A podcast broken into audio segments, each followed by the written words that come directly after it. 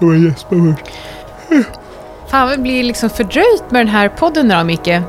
Först fick jag liksom värsta hickattacken och nu gäspar du. Ja, ska vi eh, börja?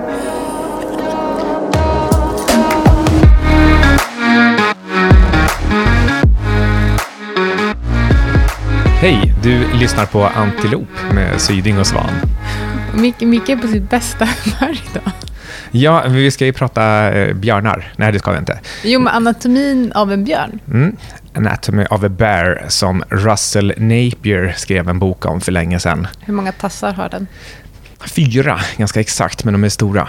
um, eh, man, skulle kunna i och för sig, om du, om du vänder upp och ner på björnen och så ger du den typ sådär 12 tassar, då ser det ut ungefär som, eh, som börsrörelsen. Det vill säga ett stadigt fall och sen korta, snabba, störiga, intensiva, vassa rekyler. Tänk om en björn vaknar liksom efter ide och så bara, vad fan är det här? Varför ligger jag upp och ner? och åtta tassar till? Mm. Jättekonstigt. Men poängen här, det är väl egentligen att det här är inte en vanlig buy the first dip-marknad, utan det är vänta och vänta lite till och ta det väldigt försiktigt. Och kom ihåg var ni hörde det först. Det gjorde ni i och för sig på de tidigare dipparna också. Ja. But now it's our time to shine. Ja, men ja. Eh, man, man, kan jämföra med det här att en marknad klättrar en wall of worry. Och det här, det här är en walk of slinky. Du vet en sån här slinky som en sån här stålfjäderkonstruktion som, som går av sig själv ner för en lång trappa. Är det marknaden nu? Det är en walk of slinky. Den, liksom, den, den tar sig ner ett trappsteg och sen studsar den lite, lite konstigt störigt. Men, men den studsen skapar hela själva momentumet neråt. Så den fortsätter neråt. Det är en walk of slinky. Jo, anledningen till att det är annorlunda den här gången jämfört med andra dippar har faktiskt att göra med att eh, nu ser vi faktiskt eh, lite räntehöjningar. Om än lite, 25 punkter. Bra jobbat Powell. Eh, men det är inte bara räntehöjningar. För nu undrar man ju, liksom, okay, så här, för, för du ställer frågan till mig, men varför har marknaden inte reagerat på det? Det är för att de tar det inte riktigt på allvar. Och sen tillsammans med de här räntehöjningarna så ska ju också Fed krympa sin balansräkning. Tror du de kommer lyckas med det? Det blir kul att se i alla fall.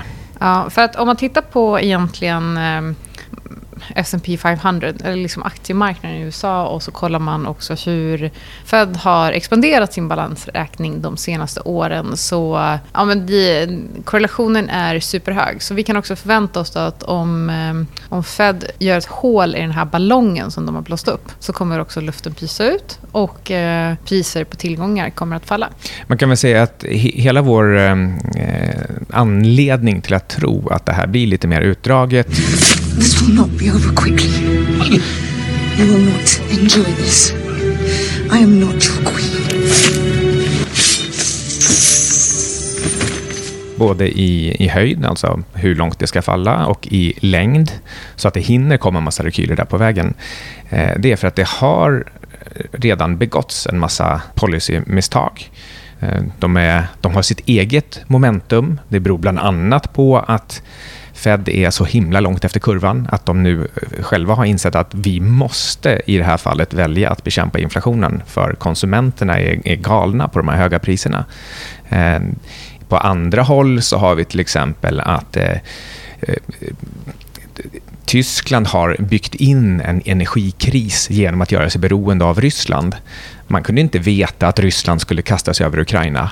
Ja, kunde man inte det? Förutom om man tänkte som Putin att så fort vi har byggt in ett, ett energiberoende hos Tyskland, då kan vi ju ta Ukraina utan att någon vågar bråka med oss. Så, så det policymisstaget, det stod Tyskland och Europa för. Och Det är nästan som man skulle kunna säga att att bestämma sig efter 2011 för att stänga kärnkraften, det var som att bjuda in Putin att ta Ukraina. Så det är Tysklands fel. Det finns fler policymisstag. Eh, Xi eh, i Kina. Ehm, Xi Jinping menar väl så då? Ja, men han är i Kina. Ja, jag förstår det. Och ehm, eh, policymisstaget där, det är att tro att man kan utrota omikronvarianten med nedstängningar. De har ju noll nolltoleranspolicy mot... mot, ja, mot... Det där är ju... Vi ska komma lite mer. Vi ska prata om den här supersupply-chocken som vi står inför och som vi redan befinner oss i. Men, så vi, låt, låt oss återkomma till, till de här ständiga nedstängningarna i Kina. Som för övrigt, de här videorna som florerar på internet är ju oerhört obehagliga. Mm. Ehm, men, men det här gör att vi, vi står nu inför en, eh, en inflation och en energichock som inte går att stoppa och en Fed-rörelse som inte heller går att stoppa. Och så länge marknaden, alltså aktiemarknaden då, vägrar ta det här på allvar, utan man liksom hela tiden kör den här walk of slinky och hoppas att den här gången ska den börja gå uppåt, ja, då, då kommer vi aldrig till den där liksom sista kräkningen, den där sista liksom slutkapitulationen som gör att saker faktiskt blir blir billiga och kan vända. Det, det dröjer helt enkelt innan man har diskonterat in höjningar till... Jag, menar, jag kollade senast idag på Fed Funds-terminernas förväntningar. Och nu är det inprisat 84% sannolikhet med minst 2,5 ränta i USA i år. Ja, jag tycker, tycker, det är viktigt det du säger med diskontering. För att man pratar ju alltid, man hör ju alltid hela tiden, eh, marknaden har diskonterat X, Y, Z. Eh, men marknaden har aldrig diskonterat någonting någonsin i marknadens historia. Och eh, se Lex Netflix. Alla visste, eh, liksom så här, rapporten var till och med lite bättre än väntat. Men de tappade eh, prenumeranter och eh, mer än en fjärdedel av börsvärdet utraderat på en dag. Det är inte, det är liksom, det är inte så att vi snackar 7, 8, 9 procents fall utan en fjärdedel av börsvärdet. Och det är som att folk diskonterar inte in någonting för att man vill inte göra några analyser. Man, man handlar inte förrän man faktiskt har facit i hand. Och det tycker jag är ganska liksom, tydligt med marknaden. Det är liksom, allting är som allting någonsin har varit tills Netflix tappar prenumeranter. Eller tills Fed faktiskt har höjt räntan 2,5% 25 punkter gör ingenting. Det är liksom ingen tillgång som bryr sig om det överhuvudtaget. Det är inte som, som så att priset på majs faller för att Fed höjer räntan med 25, punkter. alltså 25 punkter. Det är så fånigt. Väldigt mycket diskonteras också flera gånger. Alltså först diskonteras det ingen gång, hur många gånger det än presenteras. Och sen diskonteras det flera gånger och räknas in varje gång samma sak berättas igen. Men tror att det har att göra med att alla säger att ah, det, där är, det där är diskonterat och då är det ingen som vågar handla på det för då tror man att det redan är inprisat även om Även om priset inte har rört sig åt något håll. Och så bara, nej men okej, men marknaden vet ju det här så därmed, och marknaden är ju effektiv så därmed bör det vara inprisat. Jag tror att det här kan vara lite lex eh, Kviberg. Mats Kviberg som eh, legendariskt, som så mycket annat han säger, en gång eh, konstaterade att en gång är ingen gång och två gånger är en gång-gång. Förresten, vad gäller Netflix, vi spelar alltså in det här halv två på eftermiddagen på 420 Day, alltså Tesla Day. Just det. Och, eh, 20 april, om det var någon som inte fattade och, och, och, den eh, referensen. Och det var alltså i natt som eh, Netflix rapporterade, egentligen helt som väntat. Jag hade ju till och med skrivit en, en artikel för Omni som publicerades samma dag, där jag liksom pekade ut att ja, så här mycket prenumeranter har de tappat i, i Ryssland, eh, så här illa ser det ut i, i Storbritannien vad gäller undersökningar om hur man gör med streamingtjänster. Konsumenterna har helt enkelt inte råd på grund av höga energipriser bland annat. Så, så inflationen gör att konsumenter måste prioritera. Och då, då så skär man bort en del av det som är onödigt. Um, och, och, trots att alla de här sakerna eh, det, liksom, det, är inte, det, är inte så att jag har all tid i världen att och liksom grotta ner mig i varenda liten detalj som sell-side-analytiker på, på Netflix. Och ändå så alla de här huvudpunkterna som togs fram i rapporten som svagt, de hade jag redan skrivit ut i min artikel bara dagen innan. Så allting var känt. Och trots det, som du säger, så, så allt detta togs upp i rapporten som svaghetstecken. Eh, och ändå så var ju rapporten egentligen bättre än väntat. Men, men säger inte det också någonting om att den här marknaden är en förhoppningsmarknad? Vi befinner oss fortfarande i en förhoppningsmarknad för att allting kring Netflix var känt. Och ändå hoppades man tydligen på att rapporten då skulle vara ännu bättre än väntat än vad den redan var. Och först då vågar man sälja. Ja, det är, ehm, no, någonting är märkligt med tanke på att den faktiskt föll 25 procent förra rapporten också. Så två rapporter i rad faller aktien med 25 procent. Så båda gångerna så diskonterar man ju egentligen in samma sak. En gång, ingen är, en gång är ingen gång. Två gånger är en gång gång. Eh, och det här tror vi då eh, gäller marknaden också. Man, man går runt nu och tycker att men en räntehöjning och ett hot om QT, det, det är ingen QT. Nej, men och sen så eh, nästa räntehöjning kommer nog inte heller initialt kanske. Eller, men nu var det ändå så att Paul ändå sagt så här, men nu ska jag ta in hårddanskarna eftersom att det var ingenting som liksom skedde efter förra räntehöjningen. Och nu var ju inflationen mycket högre. Eh, det, det här är också lite intressant tycker jag, ehm, när det kommer till räntehöjningar. För det är inte som så att inflationen bryr sig om vad Powell gör. Eh, och om man tittar, jag har dragit den här liknelsen tidigare, men om man tittar på tidigare, eh, liksom vad som händer vid räntehöjningar och med inflation så är det som att första räntehöjningen är egentligen, då är det ganska tidigt i den cykeln. Det är inte som så att man höjer räntan 25 punkter och sen så var det peak inflation. Det är inte så det funkar. Det är inte så marknaden funkar. Det är inte som så att priserna direkt faller eller slutar ut. Jag menar, sen eh, förra räntan det är klart att eh, priserna har fortsatt sticka iväg. Eh, och det kommer synas fortsatt i, i priserna. Sen oklart om det kommer vara 8,5 i april. Mars var ju ändå lite speciell. Men ehm, Ja, vi ska inte in i ett deflatoriskt tillstånd anytime soon i alla fall. Räntepolitik verkar med en eftersläpning på 12 till 24 månader. Det har man sagt sen jag gick på Handels, vilket då inleddes 1990. Och man säger det fortfarande, det upprepas lite, lite då och då, bland annat av eh, Fed-ledamöterna själva.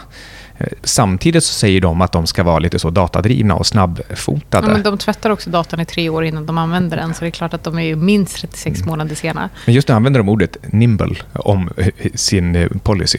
Att de ska liksom vara lite så um, ja, snabba. Ja, då, kanske jag vet inte, 28 månader istället för 36. Då. Ja, oavsett så är det mycket märkligt om man, eh, eh, man vet att man har en läge på i snitt 18 månader. Man har fattat massa beslut. Det är massa långsamma cykler i bakgrunden. Och sen ska de ändå vara lite så eh, fruttiga från, från kvartal till kvartal på, på, någon, på någon ny enstaka datapunkt. Ja, såklart. Jag, jag, jag, jag, tror ändå så här, för att binda ihop den inflatoriska säcken lite. Eh, jag tror mycket väl att, eh, eh att det är över 8% även i april. Det är jättesvårt att säga, för vi befinner oss typ i mitten på månaden, så vi får väl se.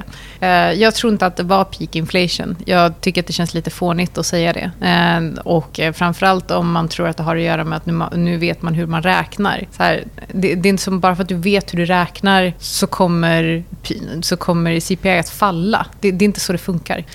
Jag tror eh, senaste mätningen på... Eller vet man hur man räknar och nu kan man räkna om det på ett nytt sätt. så att man, för, för det är som så här inflation, eh, men exklusive energi, mat och allting som man behöver, den var bara också ganska hög. i och för sig.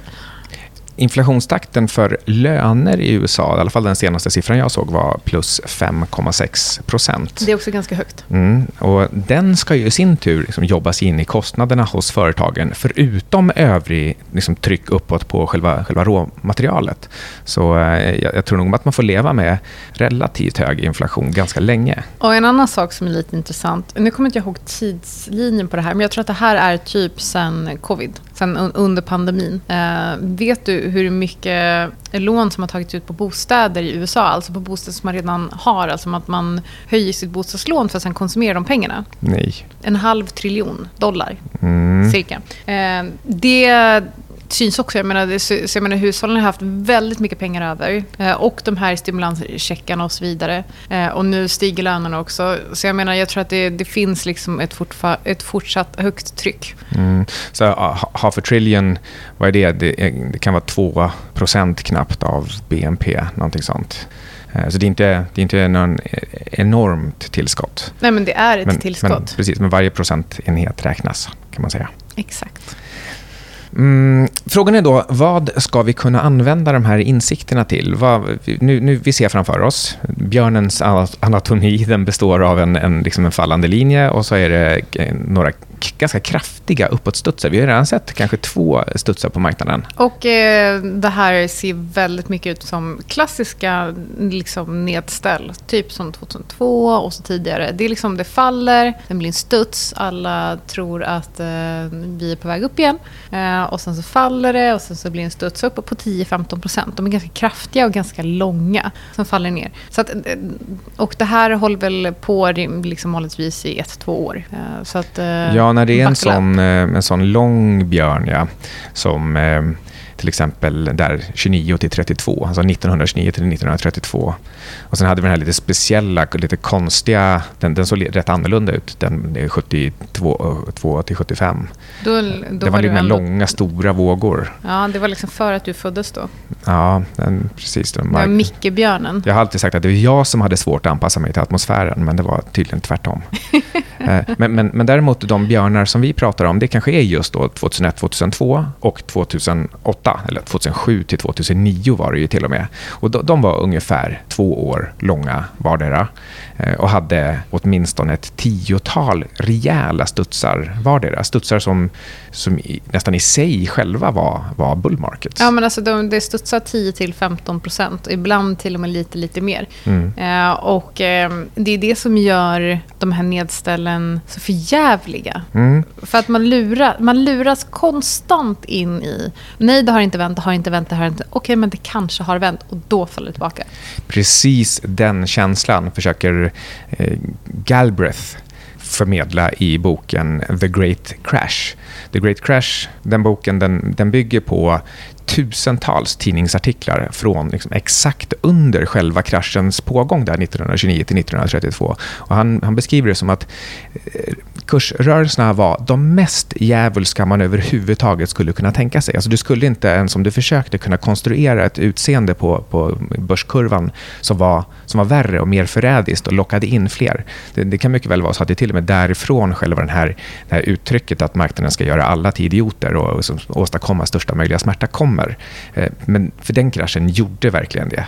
Och 01, 02, 03, den, den var faktiskt någonting liknande. Särskilt om man räknar med den här jättetoppen år 2000. Mm. Från, som, alltså det, jag tror den, den breda marknaden var ju över eh, marsnivån i september-oktobernivån. Alltså så att mm. den andra toppen där under år 2000, det var egentligen den som var all time high, men dock inte för Nasdaq. Uh, och det, känns lite, det känns lite likartat nu.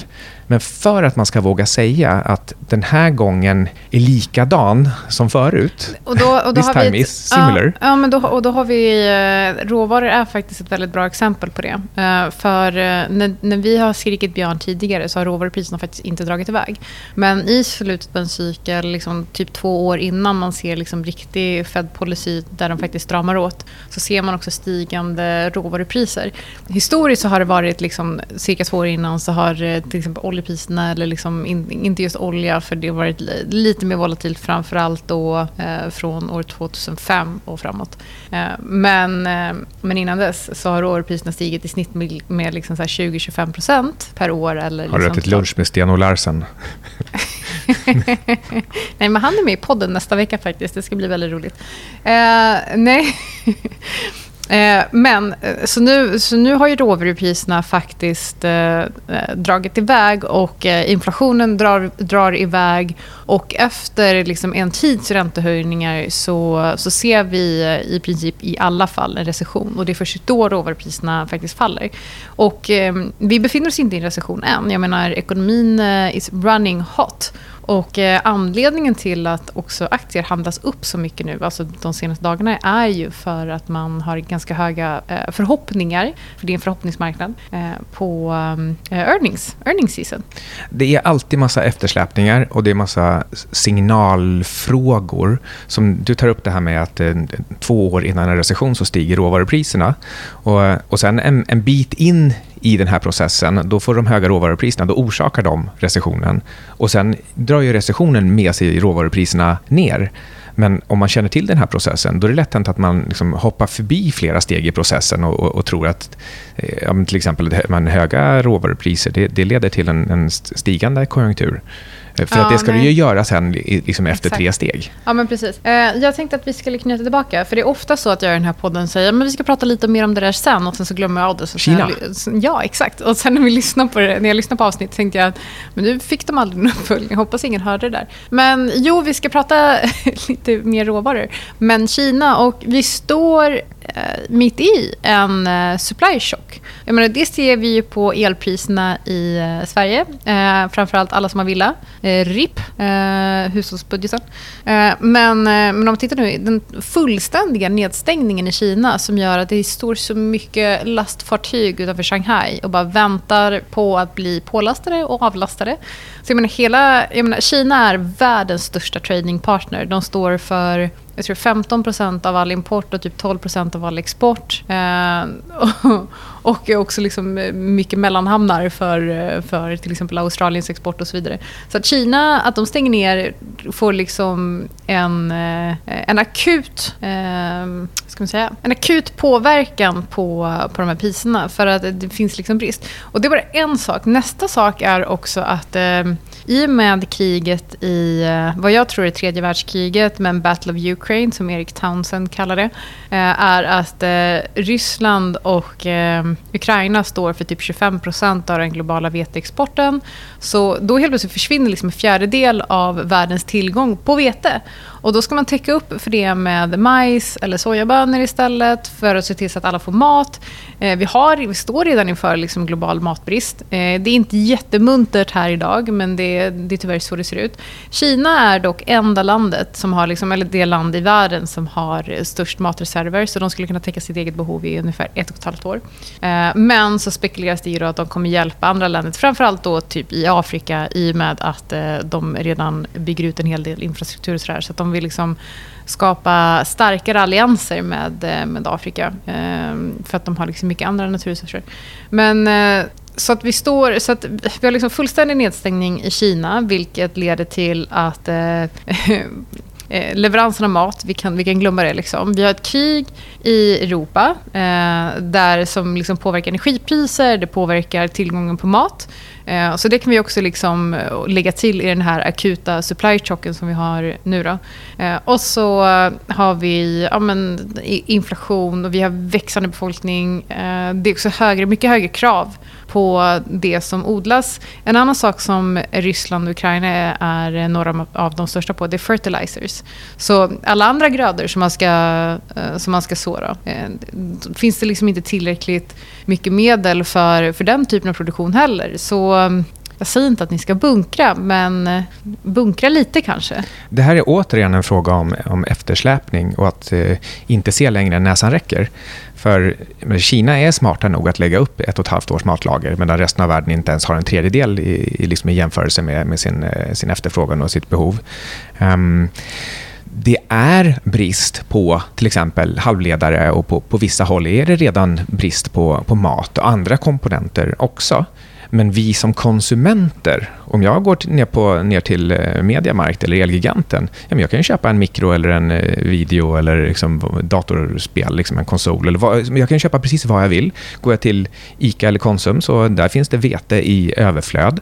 Så för, för oss, så, så det känns det ju som att allting... vi bor i Sverige. Alltså det, så kan du inte säga mm. om du hade bott i typ... Nej, men jag, jag, jag menar inte att det är så här. Jag bara menar att det beror ju på att det är inte brist än, det är nära brist. Man äter upp sina lager och det ska man ju inte göra. Att äta på sina lager, det visar ju att man vet att bristen kommer snart. Men det är ingen som känner den förrän, förrän liksom sista lagerenheten är borta. Som allt toalettpapper i typ hela världen sålde slut eh, i början på pandemin. Ja. Så det var det folk köpte. Men, men det finns faktiskt en liten, liten kul vinkling här och det är att eh, det här kan vara anekdotiskt, men, men eh, det finns teknik eh, eh Eh, eh, analytiker och konsulter som eh, nu hittar i Tesla-bilar att istället för såna här riktiga fordonsklassade liksom super, superchip, för de är det ju slut på, du får inte tag på dem, så sitter istället såna här billiga modemchip. Och, och det är farligt förstås. Liksom. Det, det, finns en anledning till att man har fordonsklassade saker. Om man eh, rent hypotetiskt, eh, mm. hypotetiskt, för det kanske är någon lyssnare eller någon host i den här podden som har en Tesla. Parkera, parkera den inte i något garage eller i närheten av något brännbart skulle jag kanske vilja säga. Och så kör inte i den med, med eh, barn i, i, i närheten av någon airbag eller, men airbag, eller närheten av motorn. I närheten, ha inte barn i närheten ja. av bilen. Nej, men jag tror alltså det här det är alarmistiskt att säga att liksom, se upp för din Tesla. Jag tror inte att det är det. det, det om någonting så är det, det om, om någonting så är det snarare så att den kanske stannar. Ja. Du kan, liksom, det är så, chippet liksom tar slut och sen stannar bilen någonstans och så får du bara bärga den. Lite, det är antagligen inte värre än så. Men, lite, ja, men en, en sista grej är att det här att Eh, Elon själv kommer på att eh, nej men vadå, det är ju inte brist på halvledare. Det finns ju mikrovågsugnar nere på Mediamarkt. Då går han ner dit och köper mikrovågsugnar och slaktar dem på chip och stoppar in dem i bilarna. Och det leder till att han kan slå förväntningarna i kvartalsrapporten ikväll. Men nu har du missat, för precis när jag satt mig här så fick jag en liten notis där det stod att Tesla estimeras eh, rapportera under estimat. Och jag bara, betyder inte det att estimaten är lägre då? Det klassiska med ingenting är diskonterat och allt ska diskonteras två gånger. Ja, exakt. Eh, nej, men så här är det. Eh, skämt åsido, eh, du skrattar ju åt mig för att jag säger att eh, ja, men dels det är lite kul för jag har faktiskt fått en eh, liten Tesla till vår dotter för att vi har haft vår Tesla så mycket på reparation. Nu kommer tur att eh, Juanen inte lyssnar på den här podden. Får inte säga så. Men det är sant. Men jag älskar den här bilen, måste jag ändå säga. Är det din första elbil? Ja. kan vara det också. Elbilar är ju som mycket, mycket härligare på något sätt. Du kan stoppa in mycket mer saker. Men jag har ju åkt... Nej, eller nej, men så här, mina föräldrar har faktiskt haft elbil så länge, liksom, fast det har varit mycket hybrider och sådär. Uh, men uh, jag gillar ju, tyvärr får man ändå säga, jag har ju ändå varit motstridig. Liksom. Mm. Jag, jag, tror ju att eh, Teslan är fantastisk. Eh, men jag tror att eh, Porschen, BMWn, liksom alla de här andra elbilarna som, som släpps 2022 och 2023 att de är ännu mycket härligare. Alltså de, de ser snyggare ut, de ser ut att ha bättre inredning, de är mer genomtänkta eh, och dessutom så är det inte åtta år gamla bilmodeller. Eh, men en annan sak som jag har tänkt på är att om vi behöver en till bil så i och med att vi redan har en sån här, inte en supercharger, men en sån här extra Tesla-stark eh, laddis. Eh, så jag ändå tänkt att äh, du får väl skaffa en till Tesla. För att innan var jag verkligen så här, nej men jag ska absolut inte, nästa bil då köper jag något annat. Men eh, nu, nu är man där helt enkelt. Så ja. blev det. Ja, och, och, det här var inte alls vad du trodde för några år sedan. eh, nej, jag trodde någonting helt annat, men jag är glad att slippa Teslan i alla fall. Um, och, eh, men, men vi kanske ska knyta ihop allting på riktigt och fundera över men vad, vad kan man konkret göra med det här mer än liksom tro att men börsen ska ner, köp eh, råvaror. Ja, köp gruvbolag då. Köp mm. råvarubolag om du inte vill mm. köpa råvaruterminer. Ja, exakt olja och gruvor. Mm. Um, hela energisektorn för övrigt. Alltså det, det, det, är den som är det enda riktiga. Det är den som ska driva allting. Det är en, liksom en måste ha-sektor för alla andra sektorer. Även för hushåll. Du kan inte inte värma upp huset eller laga din mat. Um, så det spelar ingen roll vad oljepriset är. Eh, och dessutom för oljebolagens räkning, det, det, kommer fortsätta vara brist på olja trots att vi försöker bygga ut det, det förnybara. För eh, på grund av ESG-stämpling, det vill säga inte stämpling då för oljebolagen, så har man inte investerat. Det är svårt att få pengar till sektorn. Och det här ger två effekter. Dels att fonder inte köper oljebolag, vilket gör att de konstant är billiga. Eh, och dels att det blir brist på olja, vilket pressar upp priset. Det här skapar eh, trots att det inte är en monopolsektor så skapar det en monopolsituation vad gäller att kunna extrahera värde ur sektorn. Så oljebolagen tror jag är, kan vara en helt fantastisk investering fortsatt härifrån. Och eh, för att, eh, för att kunna leverera någonting åt, åt några som inte vill investera i olja då. Tror, vad tror du Micke som ändå har varit bankanalytiker? Vad tror du om bankerna nu när räntan förväntas stiga? Ja, men banker är nog också bra. Det finns Eh, noll konkursrisk. Ehm, för de stora, för det är så ja. samhällen fungerar nu för tiden. Det blir, konkursrisken blir mindre och mindre och, det är ändå, och då började den ändå från noll. Mm. Och ehm, eh, ja, bankerna kan när räntorna rör sig och ju högre räntorna är så kan de dölja desto större spreadar. Det blir mycket, mycket lättare för dem att alltså, alla kan dölja stora spreadar. Um, och när det gäller huslånet, det är, ju, det, är det absolut sista en, en svensk inte betalar på. Och kan de inte betala, då får de pengar av staten för att betala. Ja, det är ju mitt bett nu, att man kommer slopa amorteringskravet. Så, så, så det enda som händer här, det är möjligen att affärsbanker lite längre fram kommer få lite mindre corporate finance-uppdrag, alltså lite mindre börsnoteringar, få liksom lägga upp lite mindre företagslån. Det kanske, kanske kan bli lite, liksom, lite, lite ökade företagskonkurser. Så man kan hålla sig borta från bara just SE-banken.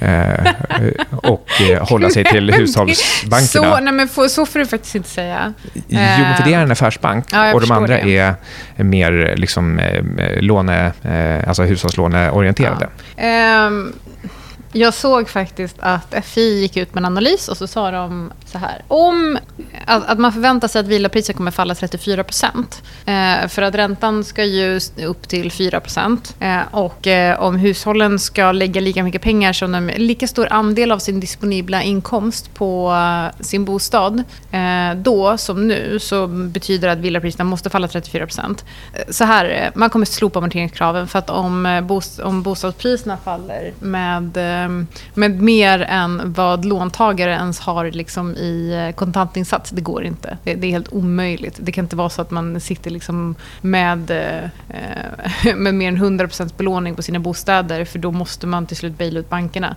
Så amorteringskraven, de ryker. Eh, och worst case så kanske, ja, precis som du sa, att 2009, eh, att vi ser liksom några månaders fall. Men att eh, om det blir om bostadspriset faller 10% så blir jag väldigt förvånad. Och det kommer nog vara väldigt, väldigt snabbt i så fall. Om de faller mer Alltså än... att det kommer snabbt över, inte att det sker snabbt. Precis, och, och, om priserna, listpriserna eller någon slags konsensuspriser faller med mer än 10% då kommer inte räntan höjas mer från den punkten. Så det är lite oklart hur högt hinner man höja räntan innan, innan huspriserna faller så mycket.